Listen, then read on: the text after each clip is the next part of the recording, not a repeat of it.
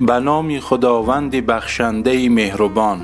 خدایا بر محمد و آل محمد درود فرست امام علی ابن ابی طالب کرم الله وجهه می فرماید شما را به پنج چیز سپارش می کنم که اگر برای آنها شتران را با شتاب برانید و رنج سفر را تحمل کنید سزاوار است.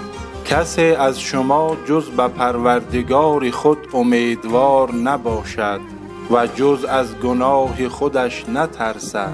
و اگر از کسی سوال کردند و نمی داند شرم نکند و بگوید نمی دانم و کسی در آموختن آنچه نمی داند شرم نکند. و بر شما باز صبر کردن چون که صبر برای ایمان مثل سر برای بدن است. و ایمانی به صبر خیر و ارزش ندارد چنان که در بدنی به سر خیر نیست. کتاب نهج البلاغه حکمتی هشتاد و دو.